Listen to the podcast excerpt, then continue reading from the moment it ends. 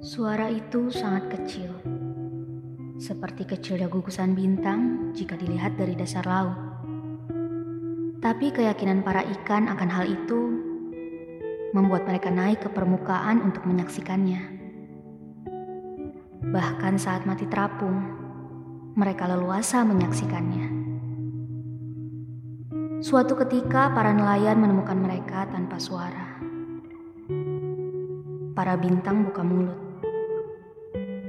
di dalam air, seekor paus berteriak. Dengan lantangnya hingga tak satu pun yang mendengar. Ia berkata, "Itu suara Tuhan."